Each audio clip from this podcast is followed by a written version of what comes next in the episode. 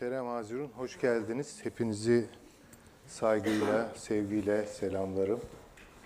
Ee, Turing'e gelmek ve burada sizlerle buluşup bir sohbet e, yapmak beni her zaman heyecanlandırıyor. Bunu bütün samimiyetimle söylüyorum. Ee, e, Sayın Başkanımızın, Bülent Bey'in ve ekibinin burada yaptığı harika işler var. Ee, bence ondan faydalananlar sonuna kadar faydalansınlar. Bütün hayatları boyunca çok e, güzel etkilerini, e, sonuçlarını göreceklerdir. Ben tekrar huzurunuzda Sayın Başkanımıza ve kıymetli e, Turing yöneticilerine teşekkürlerimi arz etmek istiyorum. Şimdi bugün bir konu seçtim ben. Aslında ne söyleyeceğimi de çok iyi bilmiyorum ama yani biraz e, doğaçlama yaparak öyle diyeyim bu konu etrafında bir fikir yürütmek istiyorum. Başlık e, güzel zamanlar. Şimdi bunu niye seçtim? Şunun için seçtim. E, herkes aşağı yukarı farkında ki bu dünyanın tadı kaçıyor. Yani gittikçe daha sıkışmış bir tarihi idrak etmeye başlıyoruz. İşte komşularımızda olup bitenler, Orta Doğu'da olup bitenler, dünyanın yaşadığı belirsizlik, sıkıntılar, umut vermeyen liderler vesaire. Yani biraz tarih daralıyor. Ee, Önce inşallah insanlık bunun üstesinden gelecektir diye bir temennide bulunalım. Ama dünyanın tadı kaçtı. 90'larla mesela kıyaslandığı zaman ortada ciddi bir fark var. 90'larda daha umutlu bir insanlık tablosu çıkıyor karşımıza. Ama 2000'lere doğru bu sönümleniyor. Dolayısıyla bu güzel zamanlar meselesi üzerinde biraz durmak istiyorum. Belki 90-2000 arası insanlığa güzel zamanlar olarak belki bir bel epok olarak anlatılacak. Güzel zamanlar benim icat ettiğim bir terim değil. Bu kullanılıyor. Bazıları bunu bilebilir. Özellikle sanatlarla ilgilenenler bel epok dönemi diye bir dönemden bahsedildiğini duymuşlardır. Belki o konuda okumalar da yapmışlardır. Aşağı yukarı 1870'lerin sonları yani e, Prusya-Fransa Savaşı'nın çok yıkıcı bir savaştır o. Sona erdiği e, komün Paris Komünü e, fırtınasının atlatıldığı bir göreli barış dönemi. 1870'lerin sonları ve 1914'e kadar bu devam ediyor. Mesela bizim tarihimizin de bu perspektifte anlatılmamış olmasına şaşırıyorum. Çünkü 1870'lerin sonu bizde de bir restorasyon dönemidir. Ve 1914 yani birinci Genel Savaş'a kadar Türkiye'de de Osmanlı'da da bir sükunet, şöyle veya böyle bir sükunet dönemi yaşanmıştır. Sükunet, barış, işin bir boyutu. Bununla bitmiyor. Çünkü ikinci bir e, ağırlık noktası daha var. O da gelişme, kalkınma, büyüme, refah, teknolojik patlama, sanayi devriminin ikinci ve en tantanalı aşaması. Böyle de baktığımız zaman pek bizde olmayan bir şeyler orada ki bence 1870-1914 arası ciddi bir Osmanlı kalkınması da vardır. Bugün hala işte üzerinde çalışılıyor bunun. Ee, yani bize de bir şeyler isabet etmiş demek ki. Keşke Osmanlı tarihi biraz bu noktayı nazardan da yazılmış olsa. Belki yazanlar çıkar. Bütün dünya böyle ama. Yani Almanya'ya bakıyorsunuz. ikinci Wilhelm Kaiser o dönemin Almanya'sı işte muazzam büyüyen bir Almanya, güçlenen bir Almanya, kendi özgüvenini oluşturan bir Almanya. E tabii Alman felsefesinin, akademik dünyasının katkıları, e, etkileri, e, sanatlar vesaire tabii bunun bir başka boyutu.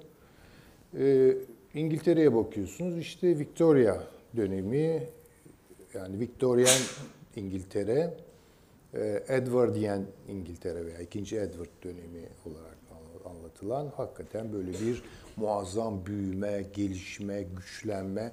Yani Britanya evet dünyanın hakimi ama yani bunu en derinden hissettiği bir dönem. Yani dünyanın sahibi olma şuuruna da Britanya'nın artık e, varmış olduğu bir dönem. İşte Fransa'ya bakıyorsunuz. Tabii Fransa'da krallardan falan bahsedemeyeceğiz ama orada da işte bir Belle Époque dönemi diye bir dönemden bahsediliyor.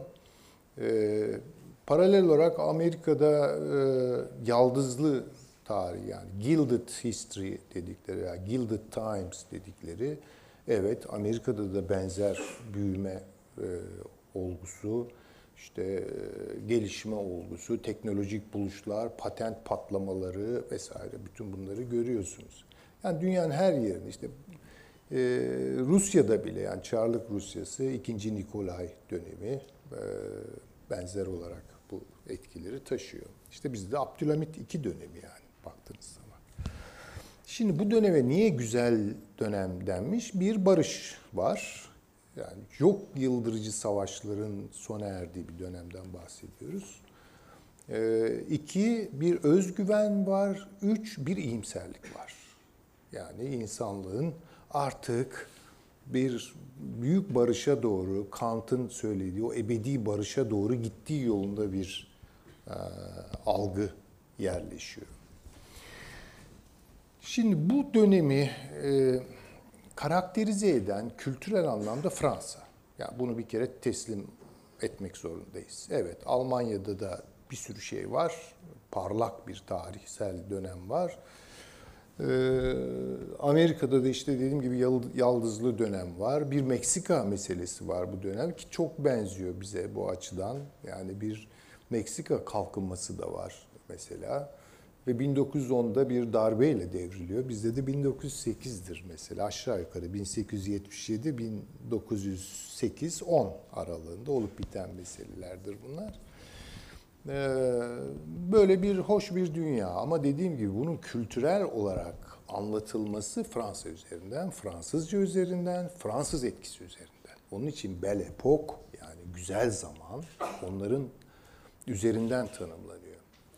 Bunun içinde ne var? Evet yani bir sürü şey söyleyebilirsiniz. X-ray buluşu, röntgen, e, elektriğin bulunması, e, işte ulaşım e, ağının büyümesi, demir yolları, sayısız buluş onu söyleyeyim. Böyle bir Eyfel şeyi kulesi yani mühendislik patlama ve başarılar falan var. Ee, bir başka boyutuyla ise e, bir bir haleti ruhiye. İşte bunu anlamak zorundayız. Yoksa mühendislik tarihi kesintisiz devam eder. Evet, o tarihi de bir mühendislik büyük dönem olarak anlatabiliriz ama iş onunla bitmiyor. Esas bizim üzerimizde üzerinde duracağımız şey bir zaman algısı, bir zaman tasavvuru. İşte güzel zaman. Bunu kendileri böyle mi adlandırıyorlardı?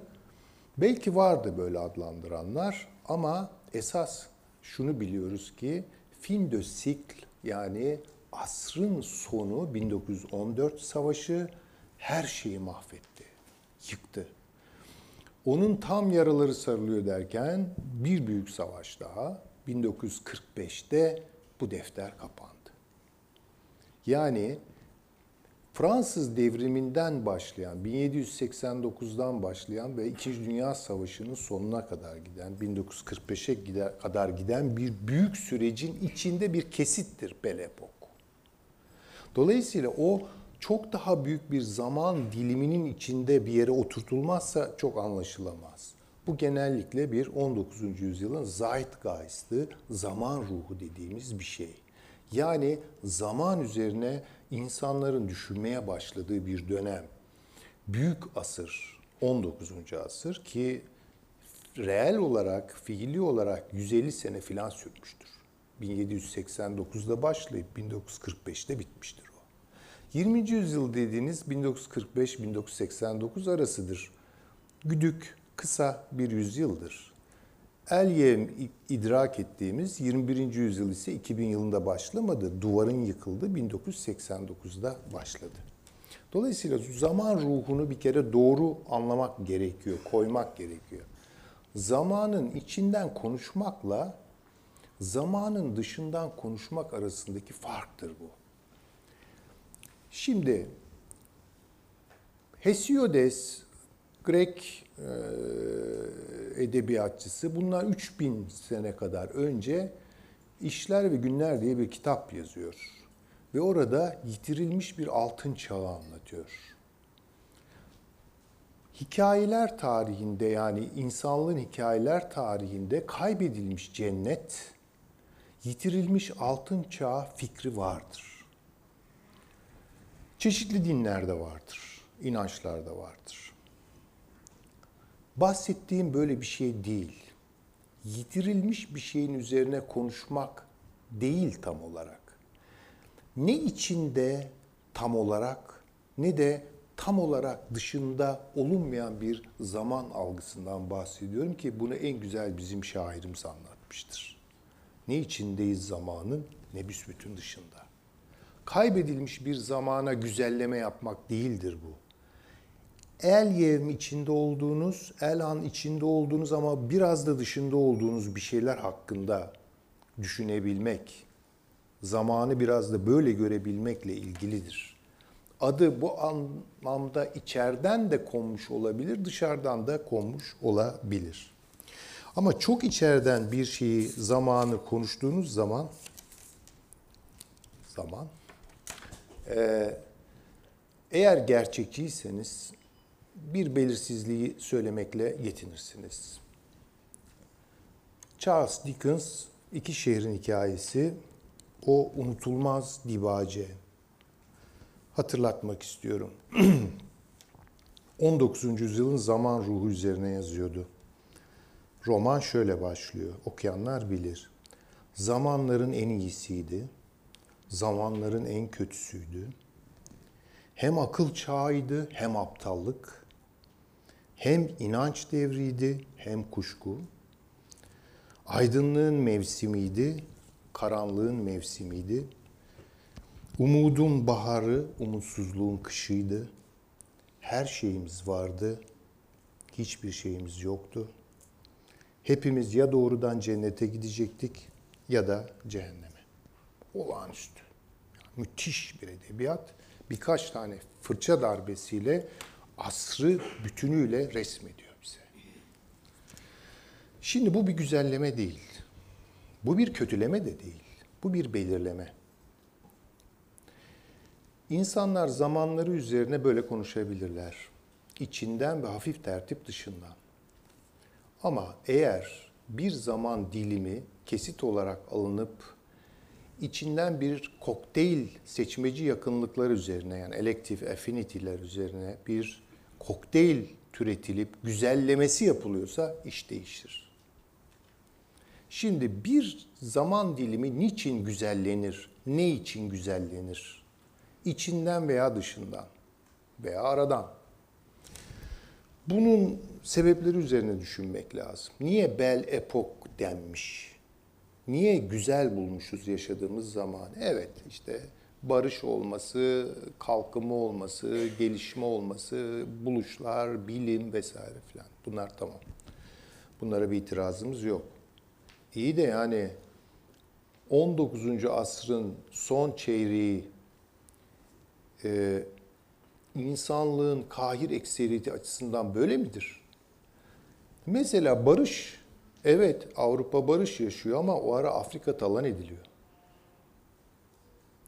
Afrika barış, Avrupa barış yaşıyor ama antisemitizm tırmanıyor. Dreyfus olayını yaşıyoruz mesela. Yaygın bir antisemitizm, ırkçılık.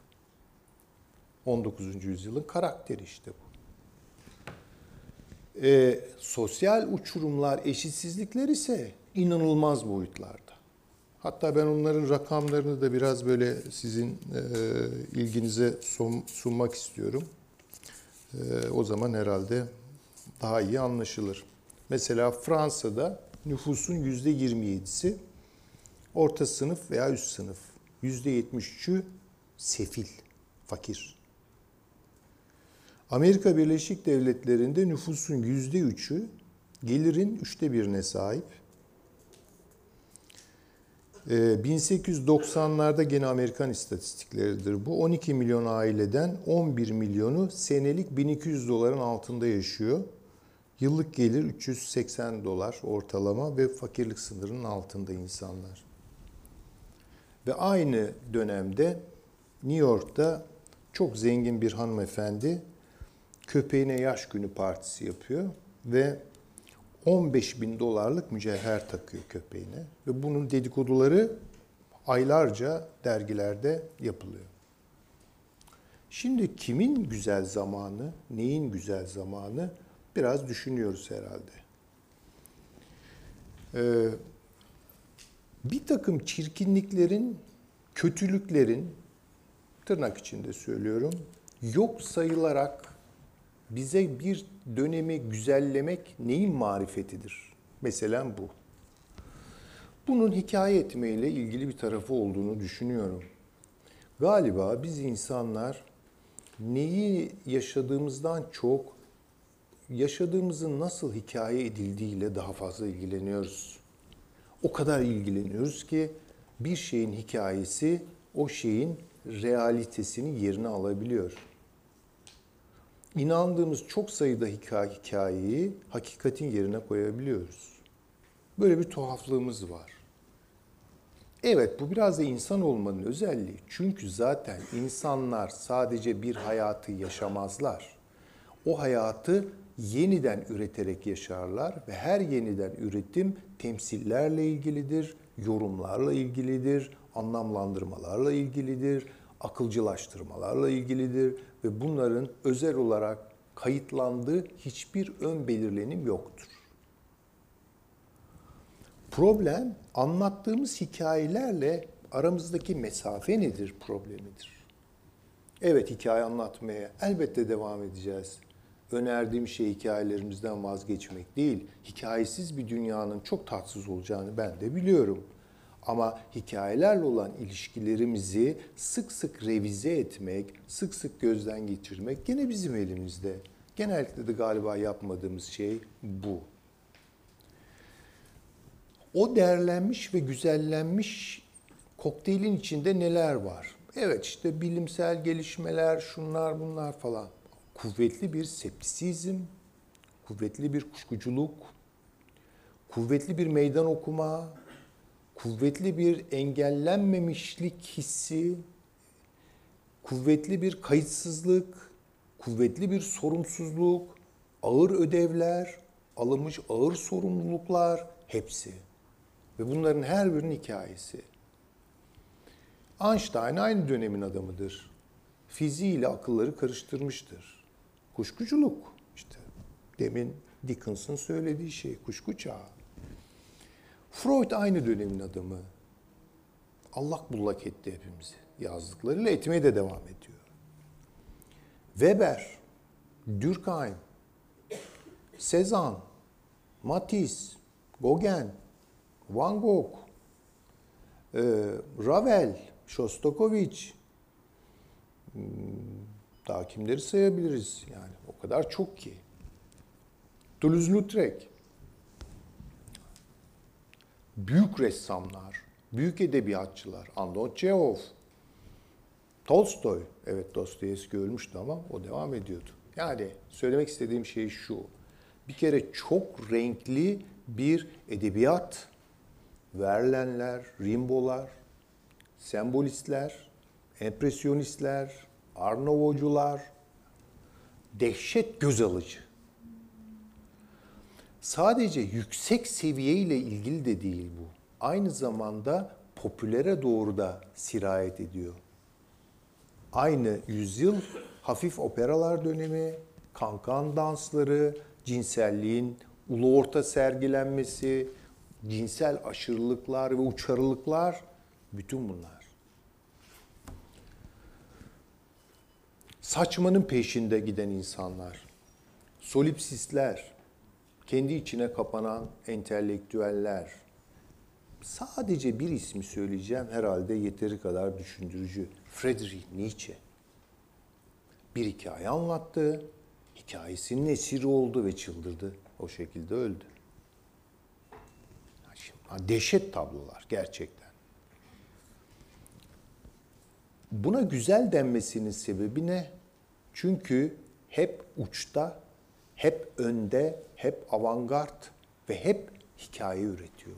Müthiş hikayeler. Şimdi bu hikayeler bir tür kamusallığın fonksiyonu aslında. Hikaye anlatıcılar her devirde vardır. Modern dünyanın hikaye anlatıcıları burjuvalardır. El bugün bizim dünyamız, zihnimizde inşa ettiğimiz dünya çok sayıda hikayenin karşılığıdır. Yaşadığımız gerçeklerle o hikayelerin uyuşması diye de bir şey yoktur. Çoğu kez zaten bizi hayatta savuran, tüketen, sıkıntıya sokan o uyuşmazlıkların bizatihi kendisidir. Ama hikayelerimizden vazgeçmiyoruz. O hikayeler yazıldı ve zihnimize kondu. Bunlar bir kamusallığın ürünü. Burjuva kamusallığı denilen işte Habermas'ın mesela çok güzel anlattığı tarihsel akademik yuvalar, okuma salonları, kütüphaneler, dergiler, mecmualar, yayın evleri, kahveler, kafeler, böyle çeşitli mahfellerde toplanan insanlar sürekli hikaye yazıyor. Mesela biz bugün Paris'i nasıl biliriz? Yani işte bir Paris hikayesi vardır, bir Paris romantizmi vardır. Bu Paris romantizmini büyük ölçüde mesela Proust üzerinden, onun anlattığı bir Paris hikayesi üzerinden.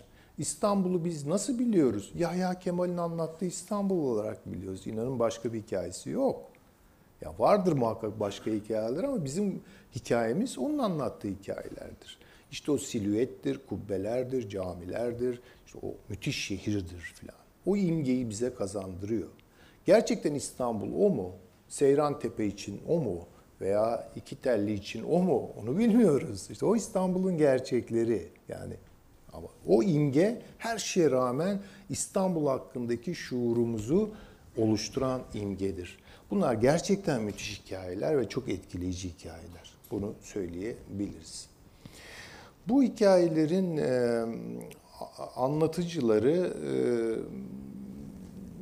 bize çok bireysel düzlem üzerinden de bunu anlatmış olabilirler. Çok toplumsal düzlem üzerinden de bunu anlatmış olabilirler. Mesela e, bu entelektüel mahfeller e, veya entelijansiyanın e, dolaştığı mahfellerde anlatılan hikayelerden bir kısmı çok toplumcu olabilir. Mesela Karl Marx'ın anlattığı hikaye. Bir işçi sınıf hikayesi anlatıyor. Biz o sınıfın tarihini o hikayeden biliyoruz. Ama bugün anlaşılıyor ki işçi sınıf o hikayeye cevap vermedi. Ama o hikaye işçi sınıfının gerçeğinin üstünde bir hikaye olarak duruyor. Hakikaten müthiş bir hikaye. Çünkü Karl Marx işçi değildi ki. Milliyetçiler milleti anlattılar. Ve milletin en böyle işte uçtaki, en e, uzaktaki, ücradaki hücreleriyle zihinlerini buluşturdular filan. Haberleri bile yoktu ki birçoğunun çok sevdikleri ülkelerinin taşralarında ne olup bittiği konusunda. Hepsi birer burjuvaydı onlar. Burjuvanın hayal edişi, tahayyül edişiyle ilgili bütün bunlar. Ve gerçeğin yerine geçiyor. Ve gerçek tarafından yenilse bile zeytinyağı gibi yine suyun üzerine çıkıyor ve gene o dünyayı o hikayelerden ibaret görmeye başlıyoruz. Bu hikayelerin Belle Epoque dönemi itibariyle e, çok e, sofistike, rafine tarafları da var. Hayli popüler tarafları da var. E, fakat hiçbir zaman güzel hayat, güzel zaman 21. yüzyılda olduğu kadar demokratize olmadı. Şimdi şöyle koyalım. Belle Époque yani güzel zaman, fin de siècle asrın sonu, büyük bir hayal kırıklığı. Yani her şey yıkıldı gerçekten. İkinci Dünya Savaşı'ndan sonra sadece binalar, şehirler falan değil, zihinler çöktü. Çünkü o anlatılan hikayelerin sağlaması doğru çıkmadı. Bu sefer müthiş bir bedvinlik, müthiş bir hayal kırıklığı.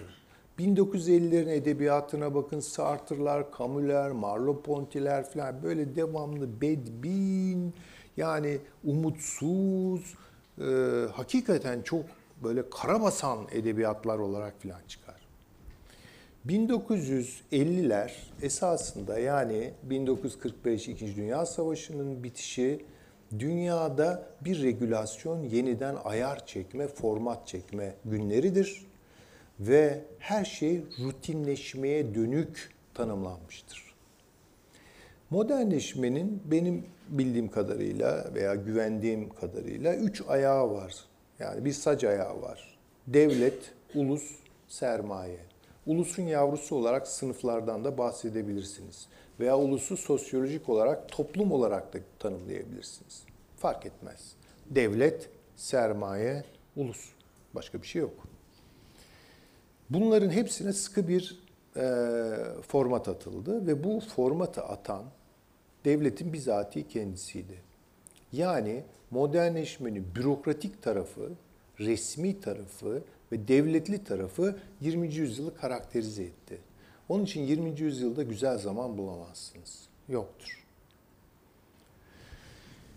20. yüzyılda devletin her şeyi regüle ettiği, ister bunu reel sosyalizm açısından okuyun, ister Avrupa sosyal demokrasisi açısından okuyun, isterseniz yeni ulusların devletli kalkınma özlemleri üzerinden okuyun. Her yerde devlet çıkar karşınıza.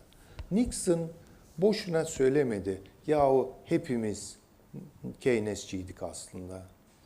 yani Amerika'da Keynesçiydi, Avrupa'da Sovyetler Birliği'de. Fark şöyleydi. Sovyetlerde yeniden bölüşüm yoktu. Eksik bir Keynesçilik vardı. Yoksa devlet, kalkınma, kamusal harcamalar falan bunlar hep vardı.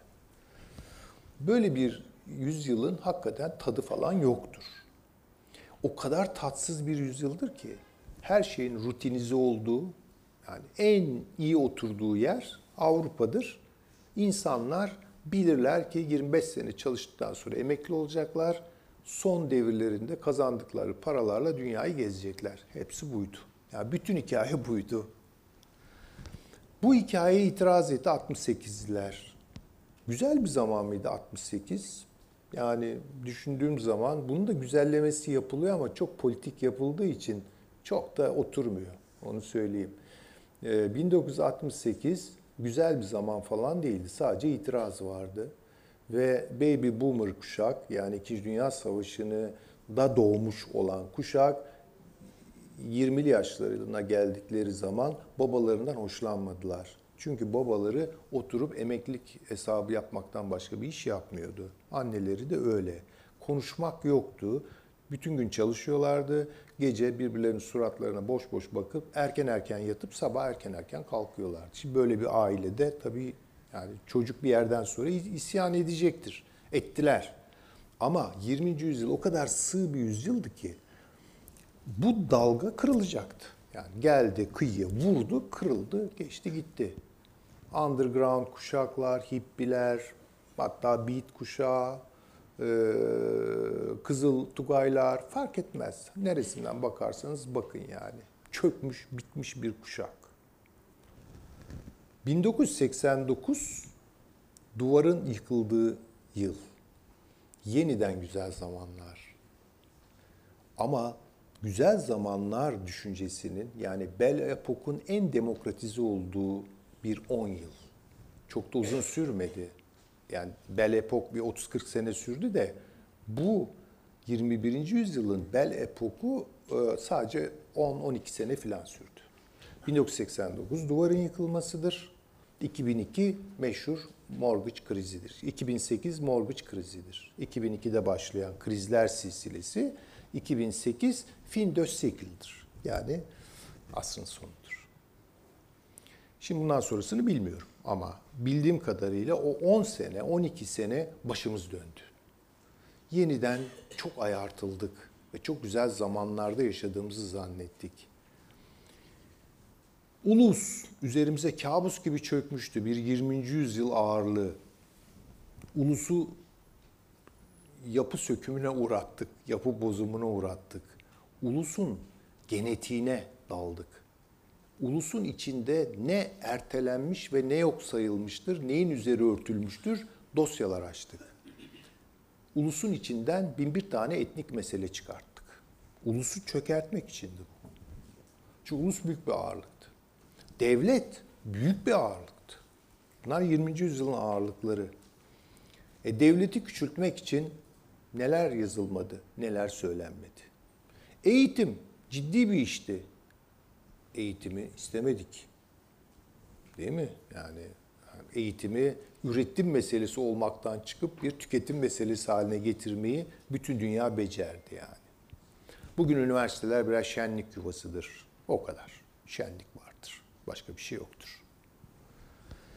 Şimdi bu tam bir çökertme. Yani o ağırlıkları, 20. yüzyılın o sıkıcı ağırlıklarını çökertmek. Ne kadar büyük bir özgüven veriyor değil mi insana? İşte mesela ulusun karşısına sivil toplumu koymak, devletin engellemelerine, bürokrasinin engellemelerine rağmen yeni bir iktisadi akılcılığı tanımlamak, CEO'ların, yapbilerin dünyası, onun bütün kışkırtmaları ve bütün magazinel destekleriyle, açılımlarıyla birlikte falan, sivil toplum spekülasyonları, ha. coştuk yani. yani. Çığırımızdan çıktık. Ve bütün bunlara eşlik eden bir başka şey refah umudu. İyi bir hikaye çıktı karşımıza. Bu hikaye daha evvel vardı da çok işitemiyorduk 20. yüzyılda. Bu hikayenin adını söyleyeyim. Belopik e, epokun yani 21. yüzyıl güzel zamanının hikayesi. Amerikan rüyası. Dehşet bir hikaye. Yani böyle artistik tornalardan geçmiş bir hikaye falan değil. Üzerine edebiyatlar patlatılan bir hikaye falan değil. Ama herkesi hücrelerine kadar yakalayan, en kılcal damarlarına kadar yakalayan müthiş etkileyici bir hikaye. 21. yüzyılın bir hikayesi yok ki her şey resmi gidi. 21. yüzyılın hikayesi bütün o kalıpların dışında insanlığa bir şey söylüyordu. Söylediği şey refah arzusuydu. Başka bir şey değildi. Ee, böyle bir dönemin kışkırtıcı arka planında ne var diye baktığımız zaman bir şeyi görüyoruz. Bu 20. yüzyılın bu kadar sıkıcı olmasının sebebi her evlilik sıkıcıdır. Ee, bir tarafıyla çok sıkıcıdır. Ee, bir evlilikti, bir akitleşmeydi. Devletle sermaye arasında, devletle ulus arasında bir bir nikah kıydı bize Keynes. Ee, bu nikah bozuldu 40 sene sonra. Bozulacağını Keynes biliyordu. Çünkü Keynes'e sormuşlardı bu genel denge meselesi bu uzun sürebilir mi yani? Keynes şu cevabı yok dedi orta vadede filan çöker benim. E dediler uzun vade uzun vade hepimiz ölüyüz zaten dedi. Öyle de sıyırdı kendisini. Doğru. Hakikaten 40 senede çöktü, 45 senede çöktü. Evlilik bozuldu. Sermaye, ulus ve devlet arasındaki evlilik nasıl bozuldu? Sermayenin gece hayatına dadanmasıyla oldu bu iş. Bu gece hayatının adı şudur. Kendisini hiçbir ulusla, hiçbir devletle sınırlı hissetmeden kendi asimptotunda kendi maksimizasyonunu kovalayan bir sermaye faaliyetiyle karşılaştık. Bu sınır tanımaz bir şeydi. Onun için devletle problemliydi. Bu ulus tanımaz bir şeydi. Ulusla problemliydi. Yani sınıflar meselesi değildi artık onun meselesi. Bizzat o devlet, ulus ve sermaye arasındaki akit, evlilik aktiydi. Bunu bozdu.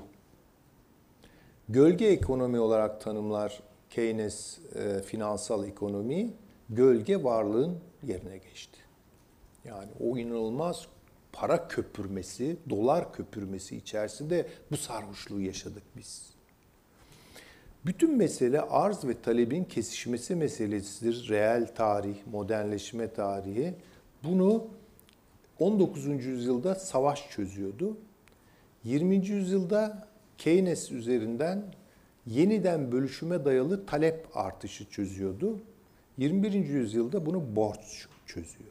Bütün insanlığı borçlandırarak bir tarz yaşamayı onun düşlerine sokarak onun hayal gücünün yerine bu fantaziyi yerleştirerek fantazmagorik bir şeydir. Nasıl yaşayacağımıza dair bize bu rüyayı bir kez gördürüp gereğini yaptırmaktır. Bu da ancak borç üzerinden yapılır. Şimdi tabii o büyüyen parasal stoklar, onun içerisindeki borç ilişkileri ve bunun çevriminin artık bir yerden sonra imkansız hale gelmesi işte bugünkü darlaşmanın fin de siklin karşılığıdır. Ne olacağına dair benim de bazı tahminlerim var ama onları burada anlatmayı çok gereksiz bulurum. Göreceğiz çünkü henüz sınanmış şeyler değildir. Sadece tespit yapıyorum.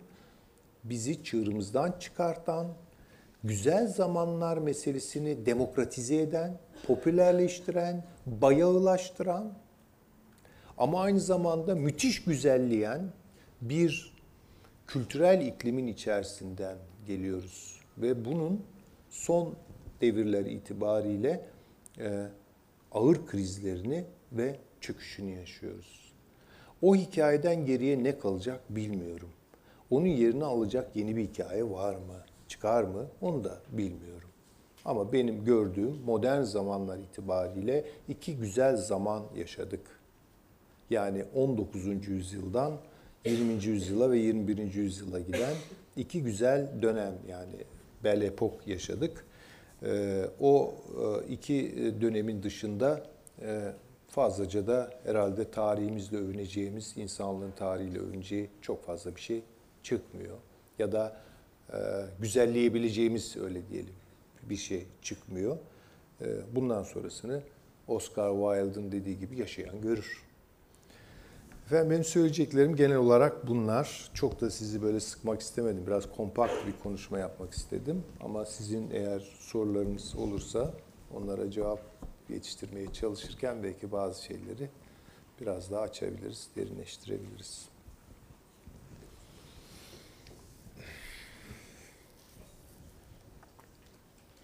Tadınızı kaçırmadım inşallah. Buyurun. Nietzsche işte Nietzsche, Nietzsche müthiş yani bir kere e, büyük bir hikaye anlattı. O hikayeyi çok çarpıcı anlattı bir de. E, o hikayenin sağlaması, doğrulanması meselesi 21. yüzyıla nasip oldu bence. Yani Nietzsche çok sonra sağlaması yapılan bir e, düşünür meğer ne haklıymış dedirten bir düşünür belli açılardan. Anlattığı hikaye çok kötü bir hikayeydi. Ve bütün o bel epokun e, içindeki çürüyen, kokuşan şeyleri ortaya çıkardı. Freud da bunu yaptı. Allah var.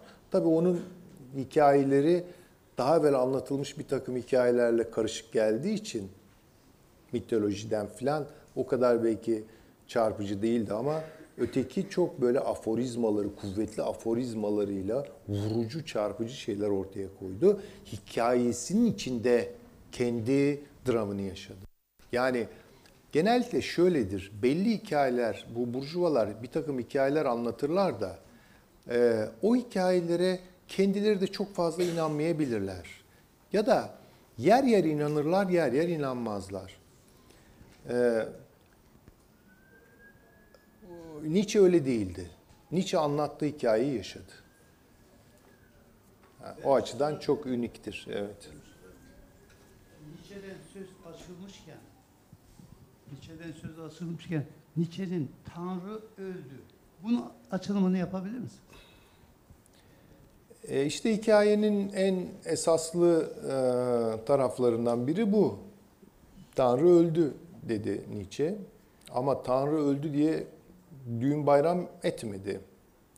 Yani insanın kazandığı özgüvenin e, insanı getireceği fetiş noktaları ve onun içerisinde insanlığın kendini yeniden üretememe riskini e, düşündüğü için derin bir yeise düştü.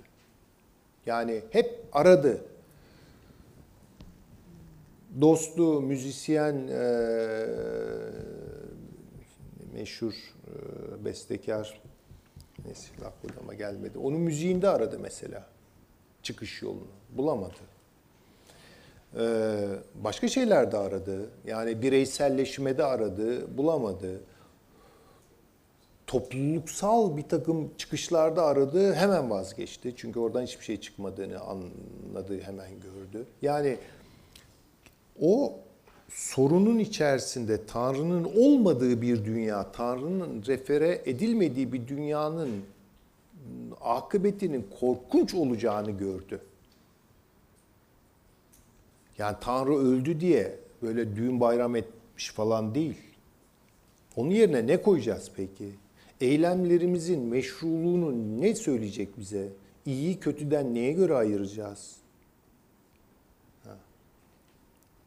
Bu hakikaten çok dramatik bir soruydu. Evet.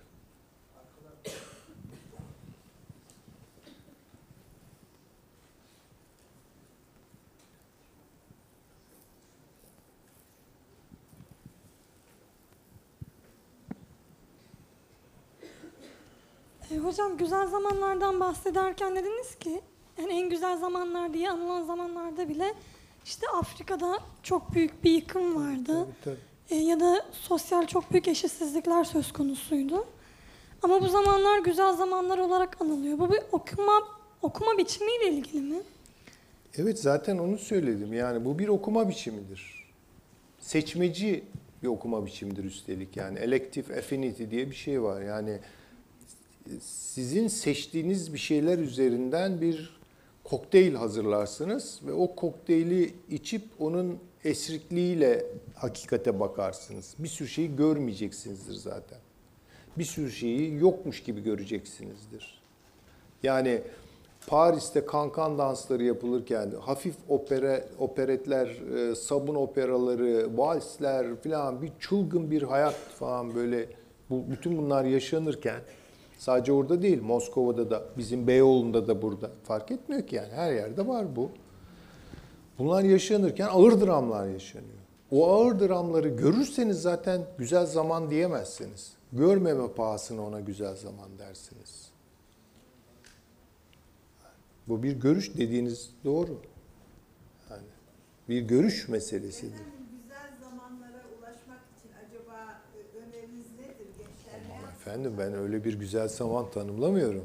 Ben e, hiçbir zaman bir e, tarihsel dönemi güzel veya çirkin diye tanımlamam. İyi veya kötü diye tanımlamam. Böyle bir şeyim yoktur. Yani tarihten çok fazla cennette bekleyenlerden doğrusu değilim. Yani onun için Hocam- benim öyle bir teklifim yok yani. Ee, siz ikinci güzel zamanın bitişini 2008 mortgage, mortgage kriziyle E, öyledir e, tanımladınız. Peki e, bu 89'da duvarın yıkılmasından sonra başlayan bireyselliğin ve işte e, o devlet devlete bağımlılığın e, yıkılmasıyla oluşan güzel zamanda bu e, 9 Eylül olaylarından sonra oluşan e, güvenlik paradigmalarının e, ciddi bir zararı yok mu bu güzel zaman düşüncesine? Yani 2008'e kadar uzatabiliyor muyuz yoksa bu e, 2001'den 2002'den sonraki devletlerin bütün bakış açılarının ve e, bütün uygulamaların değişmesinde bunda bir e, rolü yok mu? Şimdi şöyle yani 2000 e, siz 11 Eylül söylüyorsunuz değil mi? Evet 11 Eylül e, tabii çok e, çarpıcı bir olay ama bence e, insanlığın algılamasında çok büyük bir dönüşüm değişim yaratmadı. Ya biraz rahatsız etti, korkuttu falan. Ama esas çöküş e, mortgage kriziydi. Ya o büyük bir hayal kırıklığı. Çünkü size güzel zamanın vaat ettiği şeyi elinizden alıyorlar. Yani ev sahibi olanların evlerini ellerinden aldılar. Düşünebiliyor musunuz? Yani bir sürü insan sokağa düştü filan. Avrupa bugün bir hikaye anlatabiliyor mu? O bir hikaye denemesinde bulundu. Mesela Avrupa Birliği'nin bir hikayesi vardı. Amerikan hikayesinden biraz farklı. İşte renk kapitalizmi, daha bölüşümcü, kültürel olarak daha zengin, daha derin falan gibi koydu kendini. Değil mi yani? Ne oldu bugün? İşte bitti. O bitiş ne zamandan sonra? İşte 2000'li yıllardan sonra. Ama 1990-2000 arasını hatırlayanlar bilecek. Avrupa Birliği'ne girmek bizim için bir kurtuluştu yani. Bütün meselelerimiz hallolacaktı. Öyle bir yüce birlikti ki o. Öyle yüce değerler üzerine oturuyordu ki. Amerika'ya, Amerikan rüyasına septik bakanlar Avrupa Birliği üzerinden bir rüya anlattılar. Bir güzelleme yaptılar. Ama bugün ikisi de çöktü. Amerika'da bir şey söyleyemiyor. Avrupa'da bir şey söyleyemiyor. E Çin'den yeni bir hikaye çıkacak mı? Son parti kongresinde bunun adı kondu. Liderleri dedi ki biz bir hikaye anlatacağız. Çin tarzını oluşturacağız. Göreceğiz. Anlatabildim mi? Yani onun için tabii dramatik bir olay ve bir süreci de izlememizi sağlıyor. Ama insanların kaybıyla ilgilidir. Fakat insanların umutsuzluğa gark olması. Ve öyle bir umutsuz büyük kütle çıkıyor ki bugün dünyada hepsi ırkçılığa, yeni sağa, yabancı düşmanlığına filan şey yapıyor, yatırım yapıyor. Bu kadar yaygın xenofobi, bu kadar yaygın ırkçılık nasıl çıktı ortaya? Ancak umut kaybıyla olur o. Yani artık güzel zaman beklentisi bitmiştir. Hesap sorma devri başlamıştır. İntikam devri başlamıştır.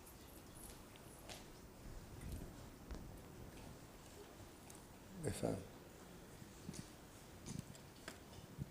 Modern zamanlardaki kapitalin yani sermayenin önemine vurgu yaptınız.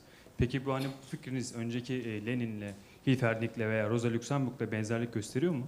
Ne gibi tam anlayamadım. Ya modern zamanlardaki hani kapitalin yani sermayenin önemine vurgu yaptınız. Hani özellikle bundan bunların e, sonucunda savaşlar çıktığına dair Lenin'in ve yani Luxemburg'un fikirleri var bildiğiniz üzere. Hani bununla benzerlik gösteriyor mu sizin fikirlerinizle? Ee, şöyle hayır. Ee, 19. yüzyılda tablo çok açık.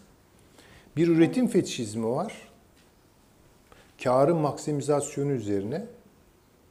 E karınızı maksimize etmek için iki şeyden birini yapacaksınız. Ya teknolojiyi kısacaksınız ya maliyetlerinizi düşüreceksiniz. Özellikle emeğin maliyetini düşüreceksiniz. Birincisi yapılamaz. İkincisi yapılabilir. Onu yaptılar zaten. Şimdi düşünebiliyor musunuz? Bir üretim patlaması oluyor. Dev bir arz birikiyor dünyada. O arzı oluşturabilmek için insanların e, maliyetini düşürüyorsunuz. Yani ücreti düşürüyorsunuz. Sonra diyorsunuz ki gel bunları satın al. Yok ki insanlarda bir şeyi nasıl satın alsınlar yani. Yani arz ve talep birleşmiyor. Birleşmeyince durgunluk derken istikrar şey e, ne diyelim iflaslar. Bunun altından nasıl kalkılacak? Savaşla kalkılacak. Şimdi bu bir çember. Yani bütün bir 19. yüzyılın çemberini oluşturuyor. Üretim fetişizmi, düşük maliyet, iş gücünün, alım gücünün düşürülmesi, talep eksikliği, durgunluk, savaş. Böyle gitti. İşte o bel epok nasılsa denk gelip bir 30 sene savaşmamakla ilgilidir. Ama Birinci Dünya Savaşı arkasından patladı. İkinci Dünya Savaşı hemen arkasından patladı. Eğer atom bombaları falan yapılmasaydı bu nükleer silahlar 1957'de falan 3. Dünya Savaşı'nı idrak ederdik yani. Böyle giderdi bu iş. Ama o nükleer tehlike kilitledi sistemi. Kilitleyince işte o nikahı kıyan Keynes'tir yani. Dedik ya böyle yapmayın. Verin işçi sınıfına. Alım gücü biraz yükselsin bunların bakalım. Yeniden bölüşüm yapın. Bunun demokratik kanallarını da açın. Devlet de müdahale etsin. Değil mi? Dengeleri kursun. Eksik gedik kapatsın. Yol yordam göstersin. E tabii yani iş gücünü biraz beslerseniz alım gücü artacaktır. Dolayısıyla arz talep ilişkisi kurulacaktır. Ama bu uzun süre götürülebilir bir şey olmadığı için ki Keynes bunu da teslim etti. 1990'larda bu çözüldü. Ne çözdü bunu? İşte o sermayenin ulus tanımaz, devlet tanımaz, din, kitap falan tanımaz. Hiç onlarla karıştırmayın. Kendi asimptotundaki kendi büyümesi. Bu da reel ekonomiyi bastıran finansal ekonomidir. Yani Keynes'e göre 100 dolar üreten bir ekonomide 120 doların dönmesi iyidir. 20 dolar fazla iyidir. Yani 20 dolarlık bir gölgen olabilir. Ama bugün e, 70 trilyon dolarlık üretim yapan koca dünya e, 800 trilyon dolarla iş çeviriyor. Yani işte o zaman başka şeyler oluyor. O zaman yeniden savaş tamtamları falan çalmaya başlıyor yani. Nasıl çıkacaklar bu işin içinden? Onu bilmiyoruz. Yani o dü- rüyayı söndüren de odur.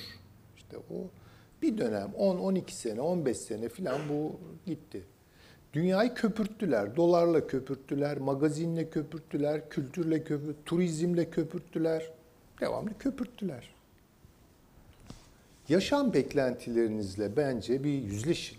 Hepimiz yapalım bunu. Mesela hayattan ne bekliyorum? En maddi taraflarıyla birlikte şöyle bir tartın. Bunlar size bu devrin bel epoku tarafından fantazmagorik bir şekilde zaten söylenmiş şeylerdir. Akıllı bir evde oturmak istiyorsunuzdur. Bir banyoda ev sahibi olmak istiyorsunuzdur. Ee, Arabanızın segmentini büyütmek istiyorsunuzdur. Turizm yapmak istiyorsunuzdur. Başka ne isteyebilirsiniz ki? Ve bunlar gerçekten kaçımızın gerçekten içinden gelerek istediği şeylerdir onu da bilmiyoruz. İhtiyaçlarımızın ne olduğunu artık bilmiyoruz. Bunlar bizim ihtiyaçlarımız mıdır? İşte o hikayeler. O hikayenin de dayandığı kaynağı arz ettim yani. Bu Amerikan rüyasıdır. Müthiş bir hikaye o. Asla küçümsemeyelim. Bu dünyada hepimiz biraz Amerikalıyızdır.